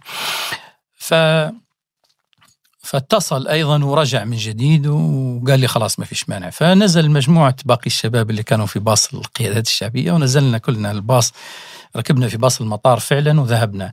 الشاهد في القصة إن لما وصلنا إلى باب المطار. الناس اللي وجدناهم معتصمين من الكلام اللي قالوه لنا قالوا لنا آه، المدينة ستنفجر. وإذا كان الباص خرج بيكم من المطار من الباب الخلفي نحن حن كنا بنوقفوكم في الشارع ونبوا ننزلوكم من الباص بالقوة. وكنا حنخلقوا كان في وسط مهيئ نعم جدا. قالوا ينحقوا فيه الباص. شفناه الباص بتاع القيادة الشعبية بجانب الطيارة. فالشاهد من هذا أن الاحتقان كان على شده. النظام التركيبة الأمنية والعسكرية اللي خلقها في الدولة الليبية أنه هو أصبح يحرص على أمن الخاص وعلى بعض كتائب الأمن في بعض المدن من أجل قمع هذه المدن لا يوجد الأجهزة القوية جدا للنظام. آه، الممارسات الدائمة على على مدى عشرات السنوات جعلت هناك فاصل حقيقي بين المواطن وبين بين أجهزة القمع. وتحول كثير من أجهزة اللي مفروض تكون هي خدمية من الناحيه الأمنية وكذا إلى إلى أجهزة قمعية يعني المواطن لا يرى فيها إلا وجه آخر للنظام. نعم. فهذا الأمر يعني جعل سيطرة النظام من خلال هذه الأجهزة على المدن هش وضعيف أمام عنفوان الثورة لدى الناس و آه، آه، إصرار الناس على الخروج في هذه الثورات يعني. طيب يعني عبد الجواد المعتقل السياسي لم يطوعه السجن. وقرر فعلا الانضمام للثوار بل والمشاركة في المجال العسكري أيضا يعني وحمل السلاح. وكنت من, من أوائل من حملوا السلاح ضد نظام معمر القذافي. هذه التجربة كيف تتذكرها؟ يعني أول رصاصة آه، أطلقتها باتجاه آه، قوات القذافي. يعني بالتأكيد التعامل مع الرصاص والتعامل مع السلاح يغير حتى على الصعيد النفسي آه، بالإنسان. حتى لو كان وجود السلاح مألوف في ليبيا أو مألوف بوجود بالمنازل الليبية. لكن على الصعيد الشخصي أنت في معركة تقاتل. تقاتل نظام كان جاثم على قلبك سنوات ويمنع الحرية. كيف كان الأمر؟ آه، أذكر أن من الصور طبعا اللي تلهب نفس الإنسان وترسم له مفاهيم جديدة. نحن خارجين مفاهيمنا على المجتمع آه، كانت متوقفة جزئيا لمدة 17 سنة يعني. الآن نريد أن نعيد تفهم المجتمع أخرى من جديد لكن لما جينا إحنا لقينا لقينا المجتمع الرتم اللي ماشي به الحياة الثورية في الشارع أسرع من من ما نتصور. أذكر أن في الساعات الأولى من وصولي للمنزل ما زالت الناس ترحب والأقارب والجيران وكذا. بعض أقاربي اللي جاءوا للسلام علي في المنزل جاءوني جرحى من ميدان من ميدان الثورة. الكلام هذا يوم 17 فبراير في المساء. نعم. يوم خميس أذكر. أه وبعضهم آه، لديه مفقودين يعني فض الاعتصام بالقوة في حادثة مشهورة في كوبري كوبري جليانا اسمه. حدث عليه اشتباك بين القبعات الصفراء التابعة للنظام في ذلك الوقت وبين مجموعات من الثوار وكذا. فكان عندي فيه أقارب في هذا في هذا الاشتباك. آه، فجاءوا جرحى. جاءوا جاءوني جرحى وعندهم أخوهم قفز من الكوبري في الماء وذهب للضفة الأخرى وجاءوني وهم ما زالوا فاقدين لكن عندهم عليه معلومة أنه هو حي وموجود يعني هرب يعني. ويجوك آه، آه، الألفاظ والكلام والحديث والأنفاس اللي قايم اللي قادمين بها يعني تخليك فعلا انت أنت أمام شعب ثار. وخرج فعلا لل... فهذا الأمر آه، بقيت أنا لمدة آه، ممكن يومين فقط في المنزل. آه، مش كاملات يعني. أذكر أنه يوم عشية يوم 18 فبراير. ذهبت للكتيبة اللي هي كانت كتيبة الفضل بعمر هذه هي معقل قوات الأمن في في بني غازي. بل النظام في ذلك الوقت ليس له وجود في مدينة بغازي إلا داخل هذه الكتيبة. يوم 18 و 19 كل المرافق الأمنية والعسكرية التابعة للنظام ومقرات اللجان الثورية مثبات وغيرها كلها تم إخلاءها والشعب زحف عليها كلها بشكل عام. في كل الأحياء كل من حيه ومنطقته وكذا. وليس للنظام وجود في مدينة بغازي إلا داخل هذه الكتيبة. كتيبة أمنية صورها كبير تتوسط مدينة بني غازي. هي الوحيدة اللي يوجد فيها شيء يتبع النظام بشكل ظاهر. فيها قوة عسكرية وأمنية موجودة داخل الكتيبة. وقتلتم عند هذه الكتيبة؟ أنا الأمانة لم أقاتل عند هذه الكتيبة إنما جئت من أجل التعرف على حتى أخذ انطباع حقيقي. أشاهد بنفسي وأرى بنفسي زي ما تقول آه، ما ال- ما الذي يحصل بالضبط. لأن متوقع كل شيء متوقع أنها هي عبارة عن فورة من الشعب ثم كل يعود إلى منزله ويستطيع النظام قمحة من جديد وترجع الأمور كما كانت عليه. فذهبت للتقييم الحقيقي فهمت تواجهنا مع الرصاص. وشفنا الشباب آه، عزل شبه عزل حجارة وب... وبنادق صيد و... وبنادق صيد بحري وجميع أنواع ثم بعد ذلك تطور الموضوع أصبح ب آه، بالحشوات المتفجرة تستعمل عندنا في صيد الأسماك نقول لها جلاطينة مهم. فهذه الحشوات المتفجره يعني طور ال- الشارع أدواته الخاصة أيوه طور الأدوات الخاصة يعني تجعل في نقولوا إحنا حكية اللي هي في علبة كيف. علبة المشروب الزوج ال- نعم المعدنية هذه. آه و- مادة متفجرة مادة متفجرة متفجرة ويجعل لها كبسول وصاعق وكذا وني وتوقد بالمشعل ثم ترمى. ترمى نعم. بهذا الشكل. فأصبح يتطور الموضوع يعني أنا رأيت لما شفت هذه المظاهر عرفت ان إن الكتيبة ستسقط المسألة مسألة زمن فقط. يعني وفعلا يعني حتى أذكر إن كانت لما دخل هذا السلاح اللي استعمله الشعب. سلاح يعتبر نقلة نوعية في المعركة بين أهل بنغازي وبين الكتيبة اللي هي معقل النظام في ذلك الوقت. في تطور نوعي كبير جدا. آه، أذكر أن في مدينة بنغازي كان لما يحل المساء وتخلد المدينة للنوم في الساعات المتأخرة من الليل لما يستمر دوي المتفجرات الجلاطينة ال- أهل المدينة يشعرون بالاطمئنان أن جذبة الثورة ما زالت حية. يعني ما زالت متقدة. أن في استماتة من المقاتلين أمام الكتيبة من الثوار وكذا للإطاحة بالكتيبة. م. لأن استمرار صمود الكتيبة لمدينة بنغازي إيش يعني؟ يعني الانتهاك يعني أن بنغازي ستنتهك بالكامل من قبل النظام نعم إذا استطاع النظام أن يعيد ترتيب صفوفها ويسيطر على وحاول ذلك. في تاريخ التاسع عشر صحيح؟ آه، 19 3 نعم, نعم، بعد 19 هذا بعد بعد. هذا بشهرين نعم, نعم. بشهر يعني. جمع قواته وأنت متى متى انخرطت في العمل العسكري بشكل واضح آه وأصبحت آه، آمر كتيبة؟ آه بعد أن سقطت الكتيبة طبعا مم. يوم 20 فبراير مم. 21 و 22 تم فعلا آه، هروب المجموعة اللي كانت فيها من الأسوار الخلفية للمطار وخروجهم في طائرات مباشرة إلى طرابلس. قبلها سقطت آه، سقل سقط معقل آخر مهم جدا للنظام في مطار الأبرق مهم. هي شرق مدينة البيضاء يعني يبعد عن بنغازي ما يقارب 250 كيلو شرقا نعم مكان استراتيجي جدا. لو استطاع النظام أن ينزل فيه قوات هناك كان يمكن أن يكون في سيطرة ظهر على الثورة الناس. نعم. ويحدث خلخلة كبيرة جدا. مهم. ما استطاع أن هذا؟ لأن كانت هناك استماتة من أهل المدن اللي حول مطار الأبرق وكانت في ملاحم يعني آه، غير عادية. أبرز المشاهدات يعني عن تلك الأيام في ذهنك؟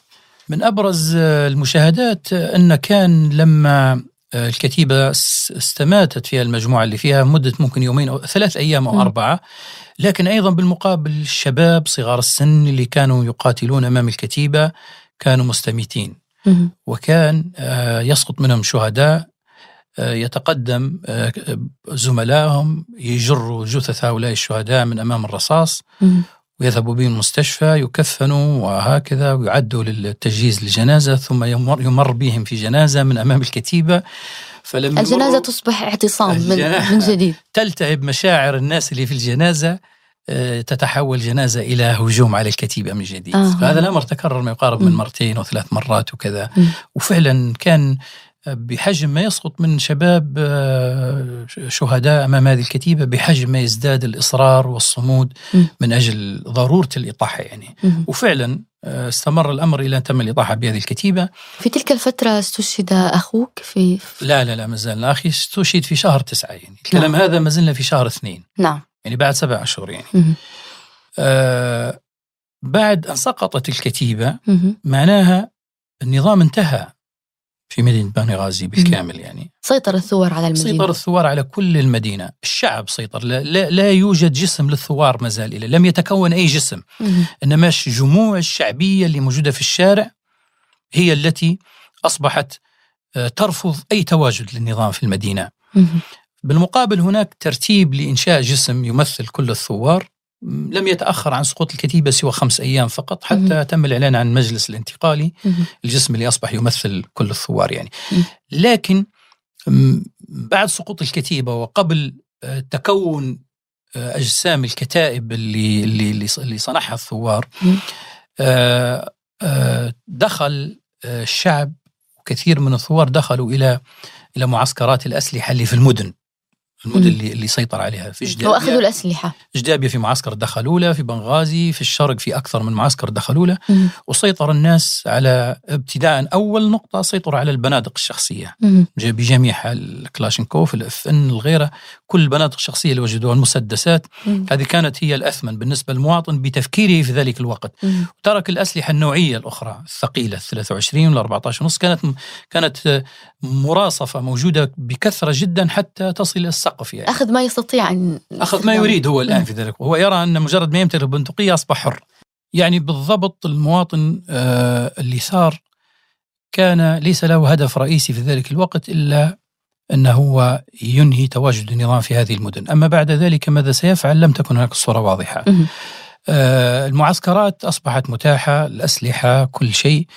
آه، اللي ركزنا عليه نحن من خلال قراءة للمشهد أن النظام لن يكتفي بالانحسار والتراجع عن وجوده في هذه المدن وسيكتفي بالتفرج وال. آه، لا إنما ستكون له ردة فعل فتوقعنا أنه سيرتب نفسه وسيهجم من جديد على هذه المدن وفعلا أخبرت كثير من أصدقائي.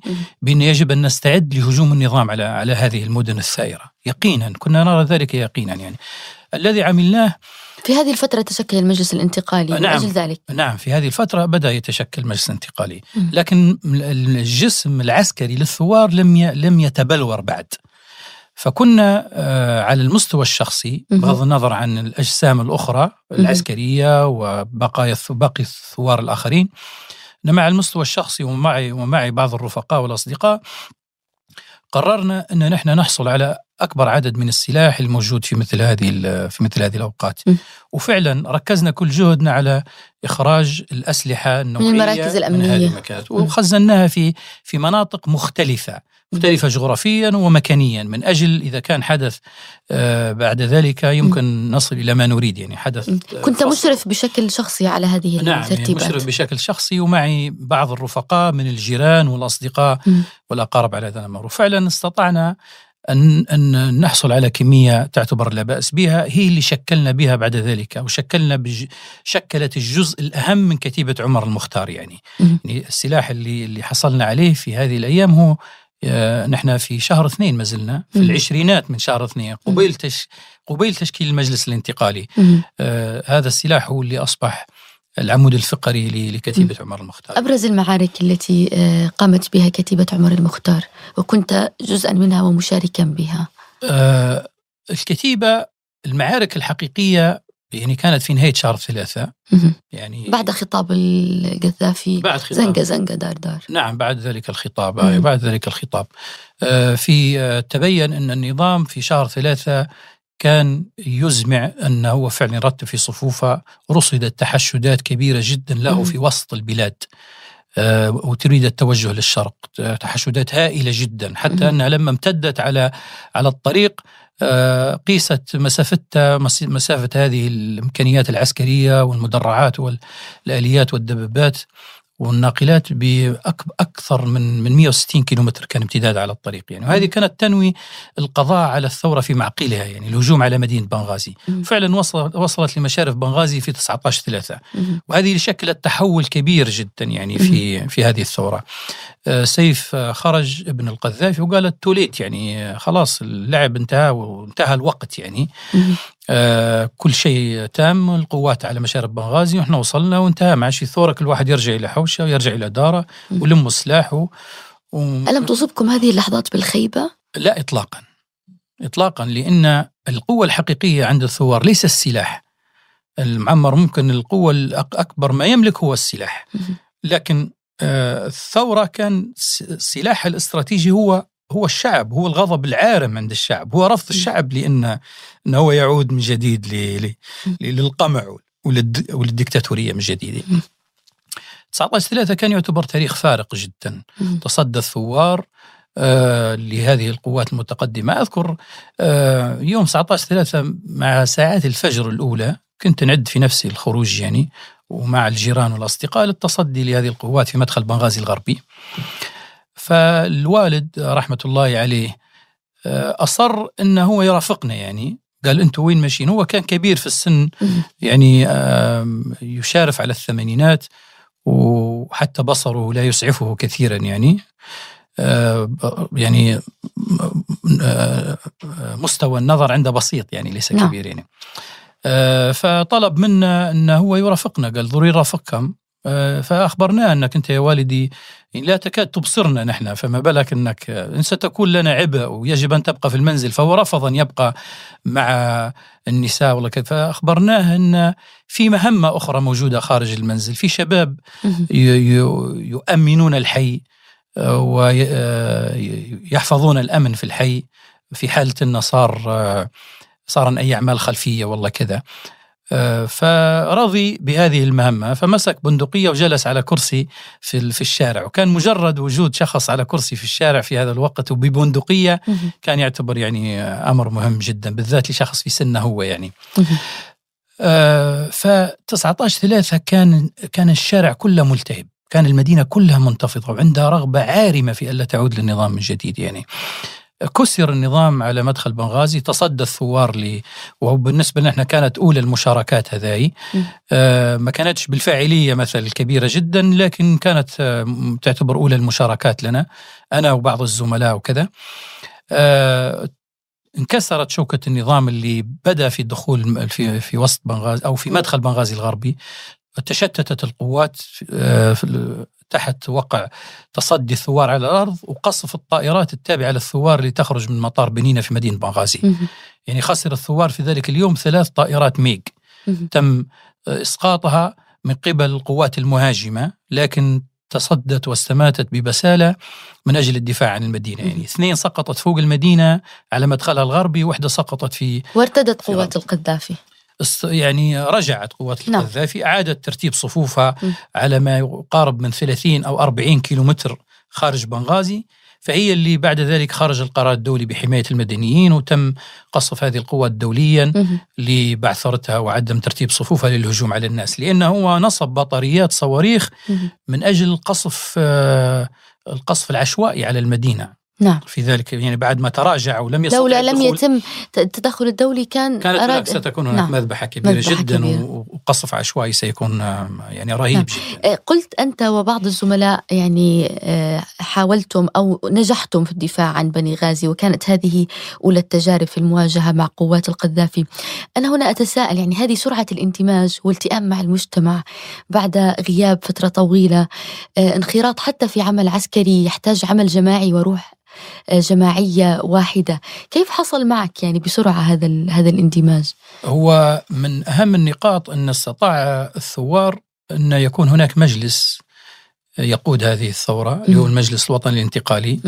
هجوم قوات القذافي كانت يوم 19 3 المجلس الانتقالي في ذلك الوقت كان عمره ما يقارب من الشهر. أقل من الشهر بقليل. إذا استطاع أن يرتب أموره ويرتب صفوفه. كثير من من الثوار من الثوار العسكريين أعلنوا انشقاقهم وانضموا إلى صف الثورة آه، بكتائبهم وبالقوات اللي تتبع لهم. فأصبح هناك تنظيم عسكري وأمني لا بأس به في المدينة. تتعاون فيه الوحدات الرسمية اللي في المدينة آه من أمنيين وعسكريين ومدنيين. بجانب الجسم السياسي اللي بدأ يتشكل. فهي أصبحت عاصمة الثورة بالمعنى الحقيقي. فيها لا. جسم سياسي فيها مكتب تنفيذي له جسم عبارة عن وزراء تنفيذيين فيها قوات ووحدات عسكرية وأمنية. فهذا هذا الشكل بالنسبة للنظام يعتبر مزعج جدا. وينبئ بأن الثورة تتطور وتصنع من من نفسها آه، شكل جديد. شكل أقرب لأن تكون هي الدولة البديلة عن دولته المنهارة. فهو يرى هذا بأم عينيه فلم يكن يستطيع أن يصبر آه، حتى يضرب هذا هذا الجسم. فالتشكل هذا كان آه، كانت أول حاجة إرادة شعبية عند الناس ومعاونة. يعني لما نقول لك أن الناس آه، عملية النزوح لما حدثت هو هجم النظام على المناطق اللي غرب مدينة بنغازي إجدابيا وما حولها وراس لانوف المناطق هذينا والبريقة. ففي هجوم على هذه المناطق قبل لا يصل قبل لا تصل قوات النظام يحدث نزوح بشري. آه، هذا النزوح كان يستقبل من عامة الناس. لم تكن هناك دولة ترتب آه، مكانات لهذا للنازحين. فكان على مداخل المدن في مدينة بنغازي وفي المرج وفي البيضة وفي طبرق وفي درنا وفي كل هذه المدن. كان على مداخل هذه المدن حتى حتى القرى الصغيرة. تجد أناس واقفين بمفاتيح المنازل. ويكتبوا في ورقات أن يوجد مسكن ومنزل مستقل وتوجد أموال. وفعلا تلقى يعني يوجد الناس اللي موجودين على قارعة الطرق لاستقبال هؤلاء المهجرين والنازحين من الحرب ويتم تسكينهم بشكل شعبي. لا لم تكن هناك جهة تنظم الأمر. تنظم هذا الأمر. يعني باش تعرفي مدى استيعاب الناس لماذا يفعلون. إنهم نعم. هم مقبلين على تغيير يجب أن يتحملوا مسؤوليته كلهم. فكان في تسكين مباشر للناس. لم يوجد لا يوجد النازحين اللي سكنوا في المدارس أو في, المأكا في, في, في الأماكن العامة. باستثناء القلة اللي سكنوا في مرافق آه، استراحات تتبع لمرافق خدمية في الدولة. آه، الكهرباء الضمان الاجتماعي في استراحات تتبع لم تم تسكين الناس فيها. لكن الغالبية العظمى من النازحين سكنوا عند أناس استقبلوهم. هم حاضنة لهذه الثورة. آه، الأموال كانت توزع على الجميع. ما فيش حد استغل الموقف من أجل أن يثري أو أنه يجمع أموال بالعكس. يعني كان حالة من التكافل بين الناس. حالة نعم كبيرة جدا. بالمقابل حرم الناس من آه، مرتباتهم لمدة ما يقارب من عشر أشهر أو, أو لأشهر الثورة بالكامل أو خمس أشهر لا أدري بالضبط. لا توجد مرتبات لكن كانت الحياة مستمرة. أذكر يوم 19 ثلاثة هجوم آه، النظام على مدينة بنغازي. كانت المخابز في ذلك الصباح تشتغل بأشدها وعلى أشدها وتوزع الخبز الساخن على المدينة. كان في اطمئنان كبير جدا. آه، فالحالة العامة اللي كان عايشها الشعب من الإصرار على الخروج على هذا على هذا آه، الطوق المحكم وكسر هذا الطوق هذا مثال اللي عايشناه إحنا في بنغازي. مثله في مصراتة مثله في الزنتان مثله في في كثير من مناطق طرابلس في كثير من مناطق ليبيا كان يوجد نفس الشعور ونفس الزخم.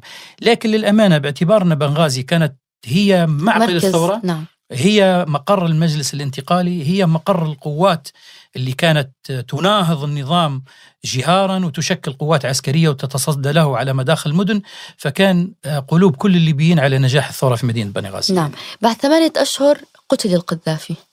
نعم.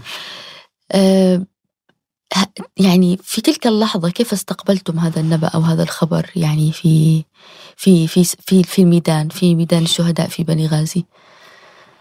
آه هاي الشخصية الجدلية يعني القذافي كان صحيح. دائما يشكل شخصية جدلية وأعتقد أنه كان أكثر من طاغية يعني صحيح. بعض الناس يقول أنه هذه تقليعات القذافي طريقة اللبس طريقة الخطاب حتى تجنيد النساء لكن يعني هذا هذا الكاركتر نظام دكتاتوري أمني قتل وهذا م. كان شعور يعطي شعور بأن الثورة نجحت في ذلك الوقت صحيح آه هو عندما آه، قتل القذافي أنا كنت موجود في مدينة سرت نفس المدينة تم القبض عليها. كنت هناك. كنت هناك نعم. لم أكن في آه، لأن طيلة فترة الحرب كنا في لم يعني حتى لما أريد أن أبحث عن مشاهداتي لميادين الثورة آه، أجدها بسيطة من خلال زيارات سريعة من الجبهة يعني ممكن في فترة من فترات ترتيب العمل كنا نحاول أن يكون في نوع من التناغم والانسجام بين ما يحدث في ميادين القتال لأن الجبهة بينه وبين معقل الثورة ما يقارب من 450 كيلومتر وصلت إلى 500 كيلومتر. فهذه المسافة تحتاج إلى نوع. فكنا نحاول أن نزور مدينة بنغازي ونتحدث مباشرة مع الناس من أجل آه، آه، وصل أو أو نوع من التواصل الحقيقي والمباشر بين الثوار وبين الجموع المؤيدة آه، للثورة. الشيء الآخر كان في نوع من التنسيق بين بعض القنوات أو بعض الإذاعات المسموعة آه سواء في في البيضاء في طبرق في بنغازي وفي من أجل بث أخبار الثورة. أي تواصلوا معنا بالهاتف. أنا أذكر اتصلت بأكثر من إذاعة والإذاعة البث بثها يكون في وسط الميدان. يعني تسمع المتجمهرين في الميدان أصوات من من داخل الجبهات يعني. فحدث هذا الأمر وكان جيد معنويا من أجل المواكبة و ففعلا كنا لما نرجع لم نجد أن الناس متذمرين أو يقولوا يبحثوا عن عن قوتهم اليومي أو عن مصالحهم الشخصية. كان الجميع سمعه وبصره على ما يحدث في الميدان. ويترقب في النتائج الإيجابية من أجل أنه ينال بحريته وما يريد. فأذكر أغلب الوقت قضيناه تنقل مع تنقل القوات إلى أن وصلنا إلى مشارف مدينة مدينة سرت يعني. في يوم وفاة القذافي أذكر من خلال متابعتنا لأجهزة الراديو والمخابرة عرفنا أن مجموعة محاصرة بسيطة من خلال بعض الشخصيات اللي نحن استمعنا إلى أقوالهم عرفنا بأن ألقي القبض عليه. إن, إن, إن هو أصبح محاصر ومعه قلة بسيطة. مم. وأصبح إلقاء القبض عليه مسألة وقت يعني. مم. كنا مستعدين للأمانة يعني. أنا كان بين بين وجودي وبين القبض عليه ممكن أمتار بسيطة يعني فقط م. يعني. وكنت آه، عندي علم أنه هو موجود في ذلك المكان. وكنا مم. محاصرين هذا المكان يعني.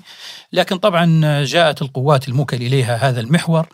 وقصف هو طبعا. كان يحاول التسلل إلى إلى غرب المدينة يشاغل عند مجموعة تشاغل شرق المدينة وهو حاول التسلل غرب المدينة.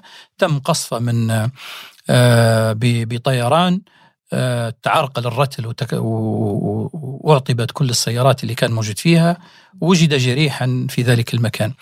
آه، نقل الخبر طبعا لغرف العمليات وبعد. ذلك لل- للإذاعات ولكذا وأصبح بالنسبة بالنسبة لل- للثوار ولكافة الليبيين مشاعركم في تلك اللحظة يعني كيف تفاعلتم مع الخبر؟ آه والله أنا أظن أنا على المستوى الشخصي كان تحصيل حاصل يعني مم. لأني لما أرى عمق هذا الإنجاز اللي قدم الشعب مم. ونجاح الثورة بالتفاف الشعب الليبي كله حولها وبتحرير العاصمة مم. وبالتفاف كل المدن في ليبيا حول جسم واحد ومن أجل هدف واحد هذا كان يكفي. آه، وهذه هي الفرحة الأكبر. خروج الق- القذافي من المشهد بها بقضاء الثوار عليه في ذلك الوقت لا شك إنه هو كان باعث على الاطمئنان. ان إن القضاء عليه آه، يوطد ويؤمن ان إن طريق الثورة آه، قضى ال- الحلقة الأخيرة فيه نعم. وهو بال- بال- بالقضاء على هذا. النظام يعني.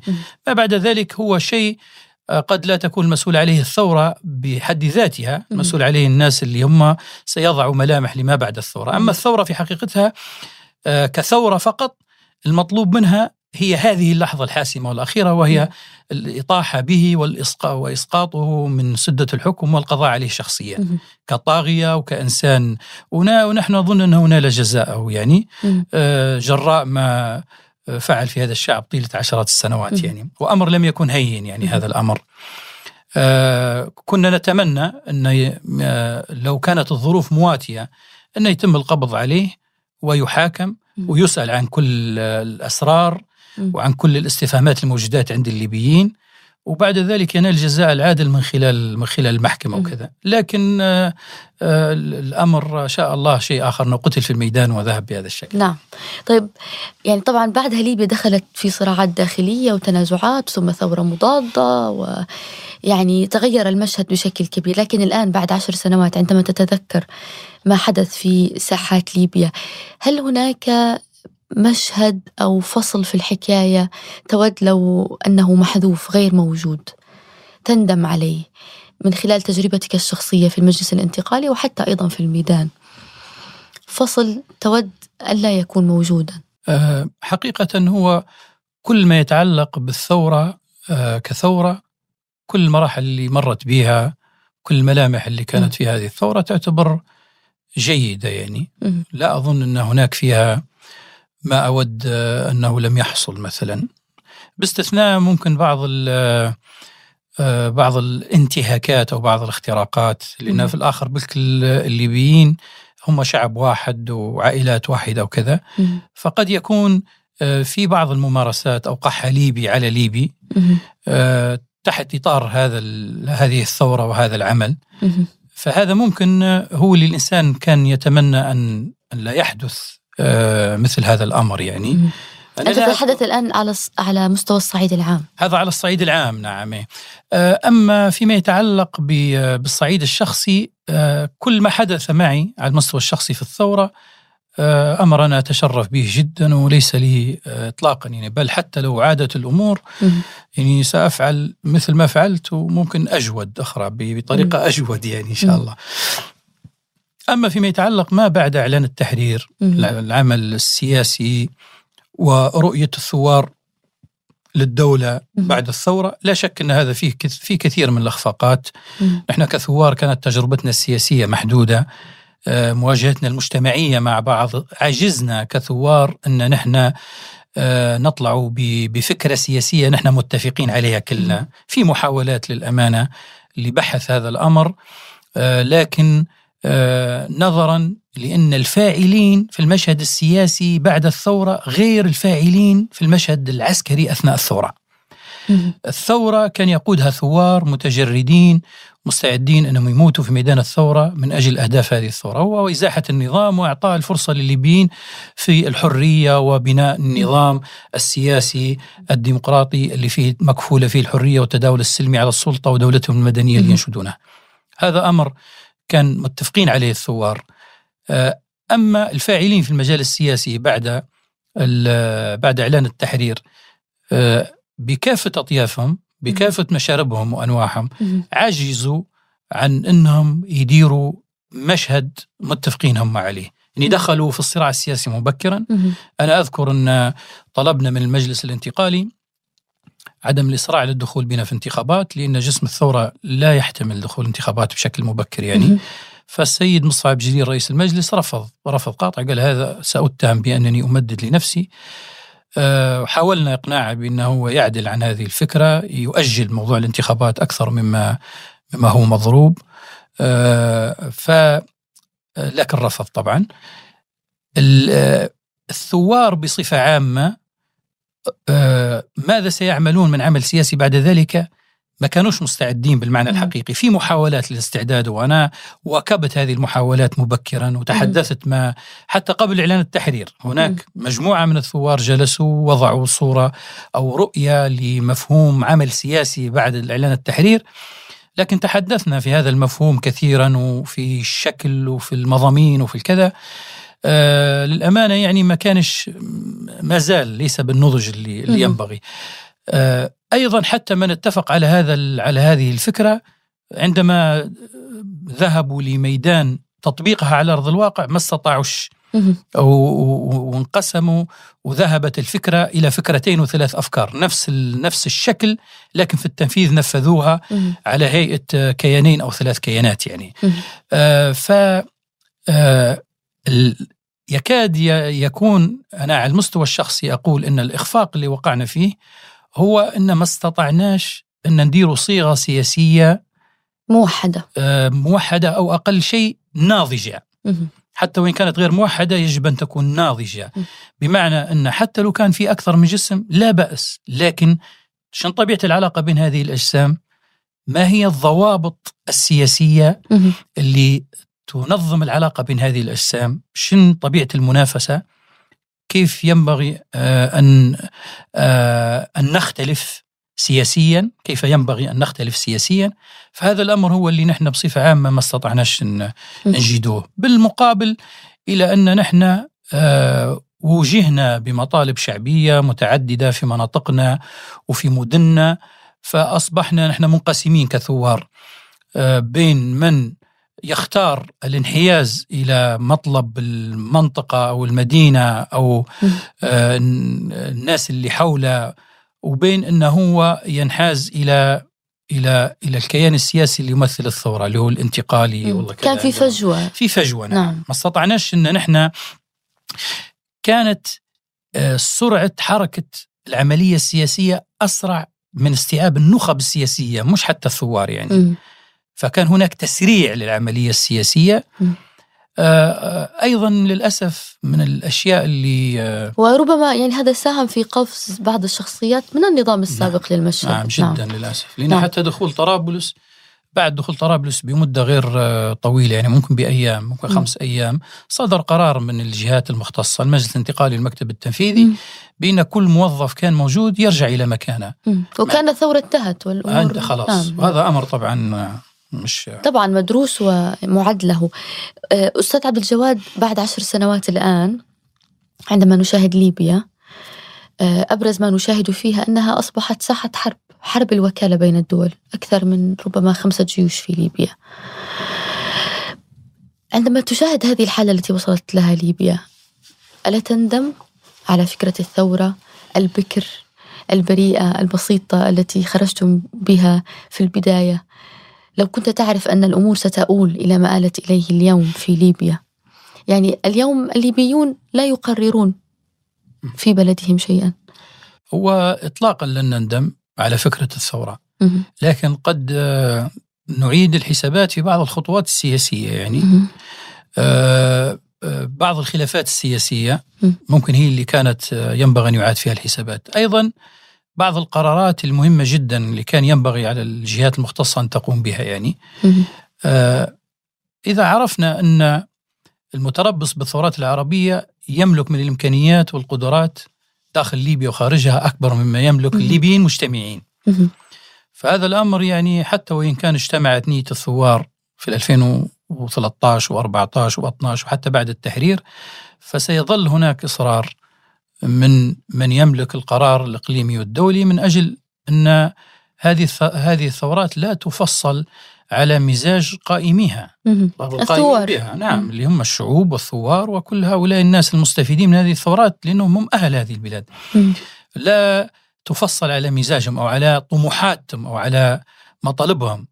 هناك الشريك الدولي والإقليمي اللي اللي أصبح اللي كان يراقب هذه الثورات وهي تتبلور يتربص بها. ويتربص واخذ من الوقت الكافي من أجل وضع سيناريو سقوط النظام اللقطات الأخيرة من مم. الاستلام والتسليم م. الثوار كانوا منهمكين في الأعمال اليومية لإنجاح الثورة وبينما صاحب القرار الإقليمي والدولي كان يبحث عن السيناريو الأفضل له هو في من سيقطف ثمرة هذه الثورة وأنا لا. أشك أن وضعت عديد السيناريوهات يعني مم.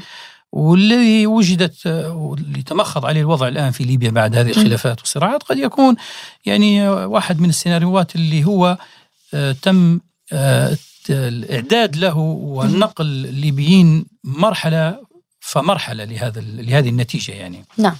طب الآن أغنية معينة أو أنشودة معينة تذكرها من ساحات بني غازي في تلك الفترة مثلا راجت آه، أنشودة سوف نبقى هنا؟ صحيح وكاتبها كان أيضا معتقلا سياسيا يعني للمفارقة أنت ماذا تتذكر من من تلك الأناشيد التي كان يصدح بها الثوار في ساحات بني غازي؟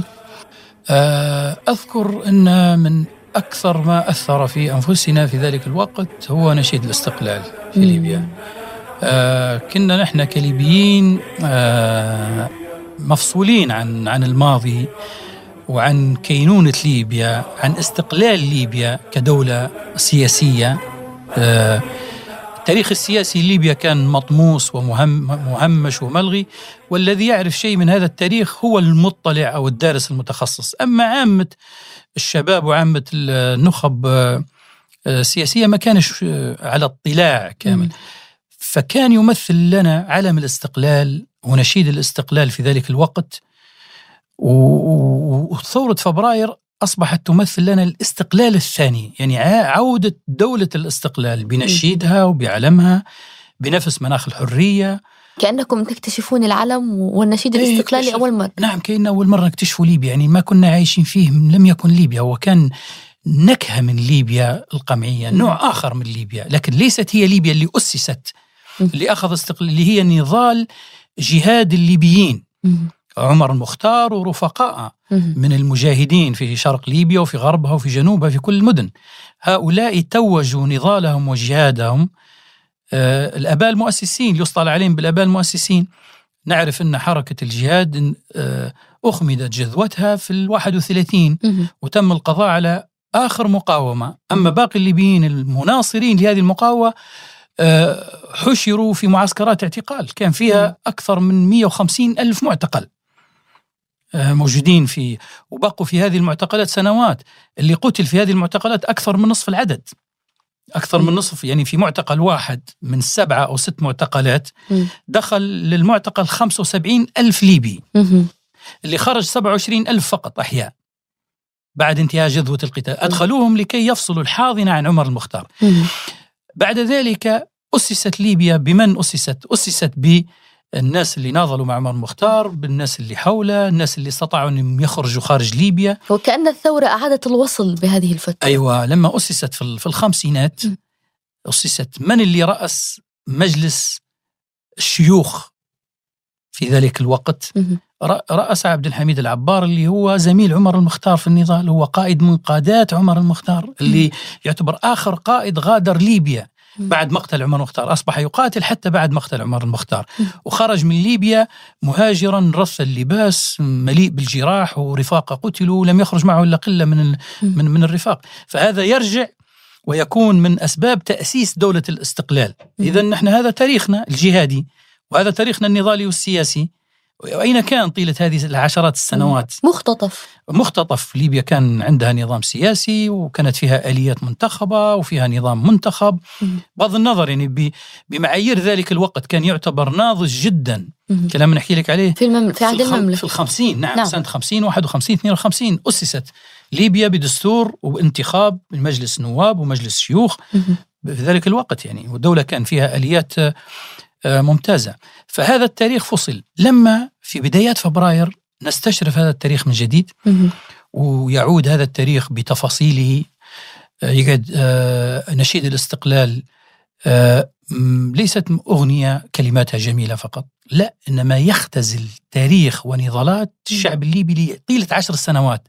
وتتكرس معانيها على الأرض. التاريخ الذي نعرفه. أنا أتحدث وعندي جدي شارك أب والدي شارك في أول عملية آه، عملية مقاومة أول حرب بين الغزاة الإيطاليين والليبيين في بني غازي أول معركة اسمها معركة جيليانا.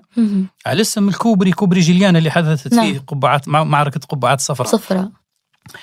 آه، أب والدي كان موجود في هذه المعركة اسمه حامد محمد يوسف فكان في هذه المعركة شخصيا. أخوه اعتقل في في ال 26 سنة 1926 ونفي خارج ليبيا وإلى الآن ما زال مفقود مش معروف من المنفيين اللي اللي اللي فقدوا بعد ذلك مباشرة. فلما نتحدث عن جهاد الليبيين وعن نتحدث عن أجدادنا نتحدث عن آبائنا المؤسسين نتحدث فهذا التاريخ يطمس لعشرات السنوات ثم بعد ذلك تأتي ثورة فبراير لتبعثه من جديد. فنحن اللي استمعنا إليه ليست أغنية كلماتها جميلة. هذا نشيد الاستقلال اللي هو التاريخ تاريخ. وهو جذورهم الحقيقية جذور السياسية للدولة الليبية الحديثة. نعم. عالم الاستقلال كان يمثل لنا شيء أكبر من كون أن علم لعلم لراية ودولة وخلاص. يعني أسست آه ليبيا تاريخها السياسي جذور التاريخ السياسي جذور نضالية. يعني هناك قتال بين الليبيين ودولة مستعمرة استطاع الليبيين يأخذوا استقلالهم بعد قتال استمر لعشرين سنة. كل ذلك بالتأكيد كان مطبوعا في في ذاكرة الثوار وكان له وقع مختلف يعني على أرض الواقع. أذكر أن من الأشياء الجميلة اللي كانت تحدث لنا وهذه عفوية أيضا أن بعض بقايا رموز النضال الليبي القديم كانت تزورنا في الجبهات من أجل ربط الماضي بالحاضر. مثل من؟ مثل ابن عمر المختار. محمد عمر المختار. آه، سمع بكتيبة عمر المختار اللي كنت أمرها. فشكل وفد وجاءنا مع أنه شايب كبير ومقعد يعني على يعني زار الكتيبة. أنا نظرا للمهام اليومية ما كنتش موجود في الكتيبة لكن تصوروا معاه الشباب وحكى لهم على نضال الأجداد وألهب حماستهم وكذا. فأنا بعد عملت علمت بالزيارة. آه، مشيت عملت له زيارة في المنزل. هو زيارة خاصة. زرته في آه، المنزل آه وشكرته نعم. وصورت معاه وكذا. فمثل هذه مثل هذه اللقطات العفوية آه اللي هي من أجل المراهنة على نجاح. وهذا في بدايات الثورة راهو. الزيارة هذه كانت للكتيبة في بدايات قبل حتى لن نتقدم غربا يعني كثيرا يعني. فالمراهنة على نجاح الثوار في مهامهم ووضع كل الحمل والثقل وكل الإمكانيات من أجل إنجاح هذه المهمة التاريخية ووصل المستقبل وصل الحاضر بالماضي. هذا أمر زي ما تقولي كان مشاعريا. ولم يكن مصطنعا كان حقيقيا جدا. وصادقا. وكان صادقا نعم. جدا. نعم. وأدى الدور المطلوب منه يعني. نتمنى في السنوات المقبلة أو في الأيام المقبلة أن نشهد مستقبلا تستحقه ليبيا بالفعل ويستحقه آه، الليبيون. شكرا جزيلا أستاذ عبد الجواد البدين شرفتنا اليوم. كنت سعيدة بك. شكرا يعطيك العافية.